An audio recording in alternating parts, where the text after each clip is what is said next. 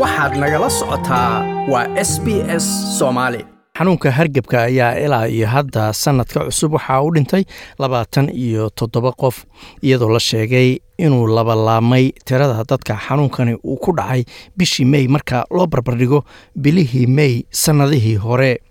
Iyadoo hay'adaha caafimaadka kala duwana ay soo saarayaan digniino ah in sannadkan hargebku uu aada uga badan yahay kuwii hore si loola tacaalana gobollo ay ka mid yihiin queensland new south wales victoria south australia w iyo tasmania ayaa gebi ahaanba ka dhigay lacag la'aan in tallaalka fuluga la qaato.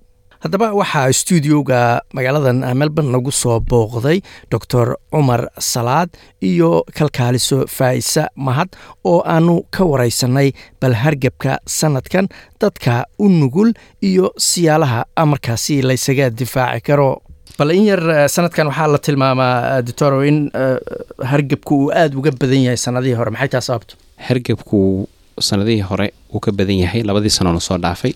Sababtoo ah si markii loo fiiriya labadii sano la soo dhaafay badankooda waxaan ku jirnay lockdown oo waa xirneen dadku koronihii ka xirnaayeen oo dadku iskuma tegeen isma dhexgeleen number one taasaa ah reasonka koowaad midda labaadna hargebkan waxaa keeno dadka safrayo ama dibadda ka imaanayo ayaa keeno. Marka labadii sano la soo dhaafay australia sida ognaheed dad badan oo ajaaniba ma soo gelin wadanka oo wadanku uu xirnay. Sidaas darteeda waxay keentay asbaabta saddexaad waxay noqon kartaa dadkiioo guryaha ku jiray oo coroni maxaa laga cabsanayay coronaviruska cabsidaas darteed dadka hargebka kuma dhicin.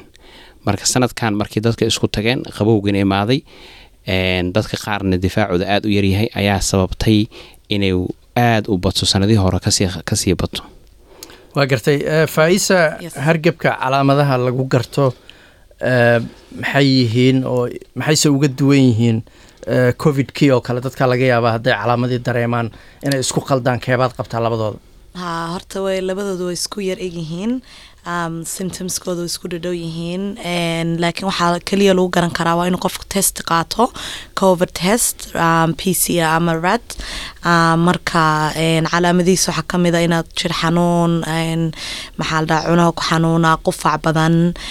Laakiin covidku ani january wiigu dhacay was in yar buu ku kala duwanaa. Oo covidku fever yacni qandhayar iyo qufac badan iyo adu marka two three days waad ka roonaanaysay laakiin hargabkani wuxuu imika sanadkan aniga xataa hargabku igu dhaca last week. Wallaahi covidka xataa uu ka darnaa qandha xanuun badan jir xanuun qufacan weli go'ayn ilaa even xitaa markaad kadib one week dhan ku haynaya oo oo long time long lastina waa gartay. Doctor cumar digniinaha aada bay isaga soo daba dhacayaan. Hadda meel mudda idaacadaha iyo telefishinada iyo in digniino badan laga bixinayo maxaa keenay digniinaha sanadkan sanad walba xilliga qaboobaha hargebku waa yimaadaa asbaabo badan ayaa jiro xasanow in idaacaduhu dhakhaatiirtu.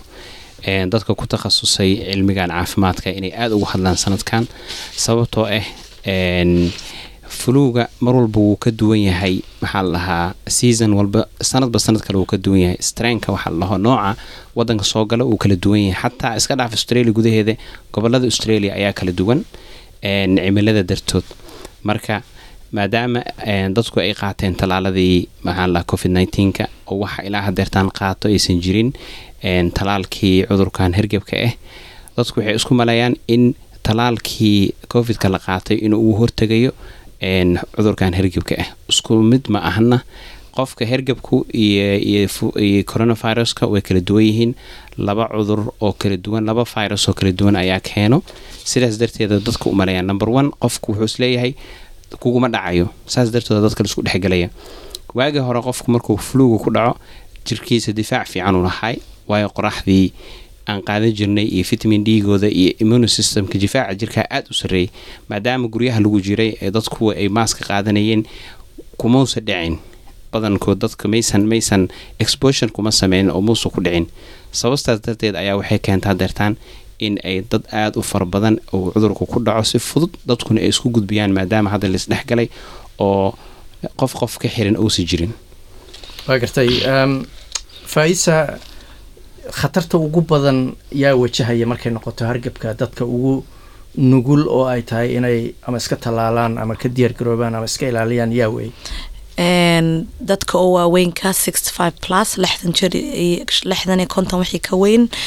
Hooyada uurka leh ciyaalka yaryar oo dadka oo immuno compromised oo xanuunada conditionada qaba like asmo kale.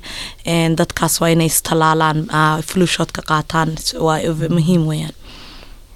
Waa gartay doctora guud ahaan jaaliyaddeena markaa fiirisid sidee bay ula dhaqmaan hargebka marka la fiiriyo australia ama qaboobaha tallaalka oo kale ma iska tallaalaan maxay ka aaminsan yihiin tallaalka hargebka runtii xasanow jaaliyaddeena soomaaliya oo australia dalka australia degan badankood maba aaminsanaba tallaalka hergebka oo in yaraa qaadato dad yaraa aada u qaato dad aada u farayar oo laga yaabo dadkaas inay shaqooyinka meelahay ka shaqeynayaan darteed sababtood ay u qaadanayaan. Laakiin markaa communitiga si generaal ahaan caam ahaan guud ahaan u fiirisid dadku ma qaataan oo maba aaminsanaba hergebku laakiin waxaan u sheegi lahaa ummadeena dadkeena walaalaha soomaaliyeed hergebkan inuu keeni karo qofku inuu isbitaalka dhex galo. Hadda haddaad fiirisid dadka waxa looga digayo oo khubarada cilmiga caafimaadka ku takhasusay ay u qaylinayaan waxaa weeyaan in isbitaalada ay buuxsamin. Waxaa laga yaaba usbuucyada la soo dhaafay waxaan aragnay in qofku markuu waco g b ga uusan appointment helin ama ballan uu ka qabsado wax walba ha ahaatee sababtoo ah dadkii hergebka qaba ayaa meesha ka buuxa iyo dadku hergeb keliya maahan qofka hadduu xaalad kale oo caafimaad uu qabo sokorta dadka qabo wadna xanuunka dhiikarka dadka daawooyinka kansarka qaato oo immuni systemkooda difaacooda aada daciif ku yahay haweenka sidii faa-is u sheegta urka leh oo aada u tabardaran dadkaas markuu ku dhaco xaalad khataruu gaarsiinaa marka dadkeena soomaaliyeed waa inay ka hortagaan cudurkan waa cudur khatar ah dad badanaa u dhiman kara hadduu hergebka kugu noqdo nimonia ilaa hadda waxaa la sheegay k saddex kun saddex boqol oo qofaa u dhimatay. Markuu hergebkii nimonia isku bedelay marka sidaas darteed hergebku khatar badan uu leeyahay. In waxa sheyga looga hortay kala keliyana waxaa weyaan in dadku ay talaalka qaataan difaaca jirka ay xoojiyaan. Laba shay oo difaaca jirka ku xoogsami karaa systemka jirka laba u kala qaybsamaa. Waxaa layihahdaa innate immunity iyo acquired immunity. Difaac banaanka laga helo iyo difaaca jirka oo sameysmo. Hergab yar markuu kugu dhaco ma laga yaabo inaad difaac xoogan ah heshid. Only waxaa ku heli kartaa qofku inuu talaalka qaato ama si xun ugu dhaco. Marka qof nafsadiisa khatar gelinayo malahan oo sugayo ilaa horgebkaas inuu dhulka ku rido. Faisa horey talaalka dadka uga wacyigelin jirteen talaalkii covid-ka. Marka guud ahaan markaad bulshada soomaalida hooyooyinka dadka waaweyn ku dhex jirto sidee bay u arkaan talaalka ma qaataan? Maxay ku diidan yihiin? Haddaysan qaadan guud ahaan kan hargebka ha noqdo ama kii covid-kaba ye horta aniga cumar waxaan ka shaqeynaa meesha oo talaalka dadka wacyigelina inay talaalka qaataan. Especially last um, one year dhan ana cumar ka hor yar baan ka shaqeynaya meesha. Dadkeenu soomaalida aad bay u diidanaa marka hore because waxyaalihii ka soo baxay no covid vaccineku waxaanu waxyaalo badan u keenaa ilma dhale in qofku dhalmadu ka tagto inay xanuuno badan in lagu dhimanayo the next couple years. Marka waxa muhiimad weeyaan waxaan bixinay like casharo badan saan dadkeena uu you know aanal death badan in the community loogu arkin. Marka flu shotkana waxa i think dadku way ku diidan yihiin because ma waxa ku jira ma garanayno wixii laga sameeyey marka ma anagu risk ma qaadanayna bay yidhaahdeen. Waa garta sidee marka arrintaas looga qancin karaa dadka always dhakhtarkaaga la tasho dhakhtarkaad aad aaminsan tahay iyo g p. U tag tell him you know should I take vaccineka maan qaataa mise waan iska daayaa always mar kasta health professional kala hadal. Aad wax facebook ama instagram lagu qoray. Because waxyaala aana jirin bay dadku iska qoraan. Marka always health qof oo professional kala tasho.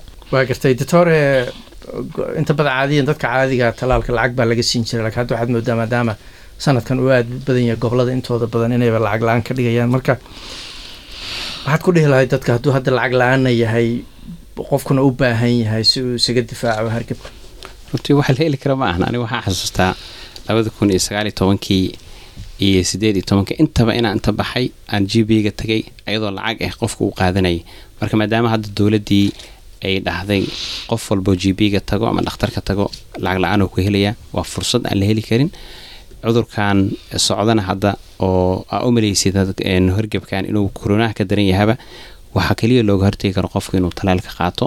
Si difaaca jirkiisa u xoojiyo dadka u nugal cudurkaana oo aan la noolnahay bulshadeenna inaan ayagana aan ka hortagno si si khatara u gelin ilmaheenna carruurta waalidka hooyooyinka iyo dhammaan dadka bulshada ugu taag daran kulli si loo ilaaliyo qofku wuxuu uga hortegi karaa keliya inuu talaalkaas qaato. Waa garta fais waxaa laga yaabaa sidaad sheegtay dadka lagula talinaya inay talaal ka qaataan. Waxaa ka mid a dadka lixdan iyo shan sano iyo ka weyn.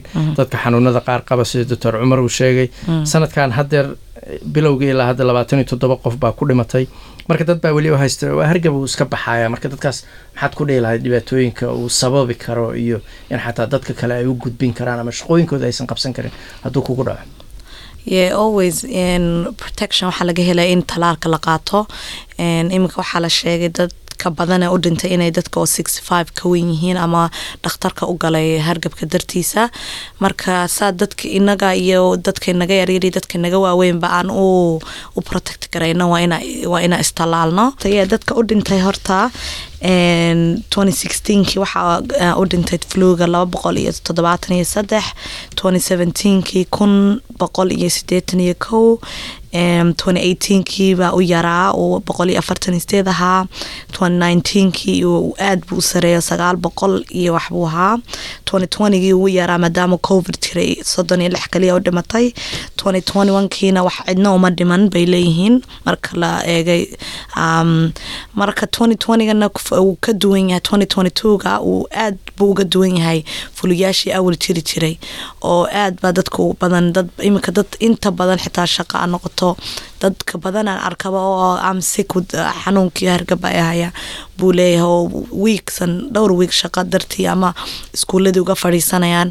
Marka saan inaga dhan isku aan isku protect garayn lahayn istalaala saan dadkeena waaweyn ee vulnerableka u ilaalino iyo inta xanuunsan.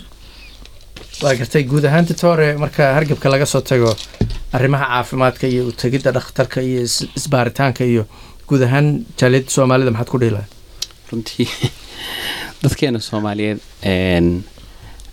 runtii ma ahan dad markii la fiiro qofku ilaa uu soo dhaca maahane qof caafimaadkiisa daryeelo in laga hadlo badana waa dhacdaa oo dadku ay ka hadlaan laakiin sidii dadkaan ala noolnahay ama bulshadaha ummadaha kale islama socdaan dadku.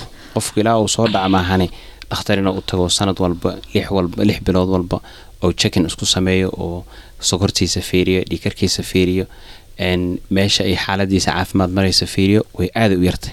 Waxaana fiican qofku intuusan xaalad wax laga hortegi karaa jiro. Shaygu markuu cusub yahay waa laga hortegi karaa waa la daawey karaa. Laakiin waxaa jiro shaygu markuu xad aan laga qaban karin ou gaaro lagama hortegi karo daawona waxba kama tarayso.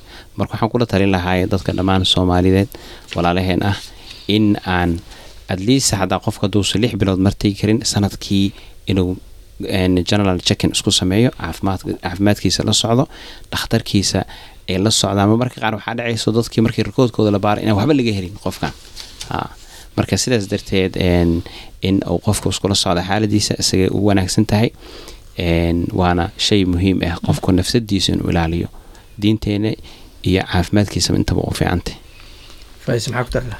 yee dee markasta waxaasuu cumar sheegayba in g p gaaga aad tagtid oo haddaa wax isku aragtid oo aada isbaadhid also haddii maadaama flugan jiro in qofku immune systemkiisa uu hadduu rabo inuu si fiican u difaaco inuu vitaminada qaato exercise inuu orod sameeyo whatever uu karo guriga xitaa dhexdiisa ino in maadaama dumar anu ka mid ah hooyooyin aan nahay in guriga dhexdiisa exercise xitaa intaad iska shidata t v-ga iska sameyn kartaa waxaad awoodi kartid cunto fiican inaa cuno inaa is ilaalino basically oo vitamins ka qaadano. Vitaminskuna waa muhiim weeyaan. That's immune system fiican haddaa haysatid hargabku si xun kuuma ridayo. Qofka markuu horgebka ku dhaco waxaa fiican inuu difaaca jirkiisa uu xoojiyo. Wuxuu ku xooji karaa biyo badan inuu cabo. Biyo aada u fara badan oo qandaca inuu cabo. Cunto kulkul cabo wax aada u kulkul inuu cabo. Inuu qofkii uu nasto uu dadka dhexgelin oo guriga uu joogo. Taas waxay ay saacidaysaa in difaaca jirkiisa si fiican u shaqeeyo oo cudurkii la dagaalamo si fududna uu hergebka ugu baxo marka sidaas darteed waxaan kula tali lahaa dadka markay hergebka hergebka ku dhaco ama corona uu ku dhaco inaan dadka la dhexgelin guriga la joogo difaaca jirkana waxa xoojinayo lagu dadaalo cuntada. Mar walbana in qofka vitamin d-giisa la socdo waayo immune systemka difaaca koowaad waa vitamin d vitamin d-gaad hadduu yaryahay wax walba cudur ah isagoo soo horgala soo hoosgalayo siiba cudurrada ku dhaco upper respiratory infectionka oo hergebka number one ka mid yahay. Kaasi wuxuu ahaa doctor cumar salaad. Horeyna waxaad codkeeda maqlayseen kalkaaliso faa'isa mahad. Like aas la wadaag wax ka dheh lana soco barta facebooka ee sb s soomaali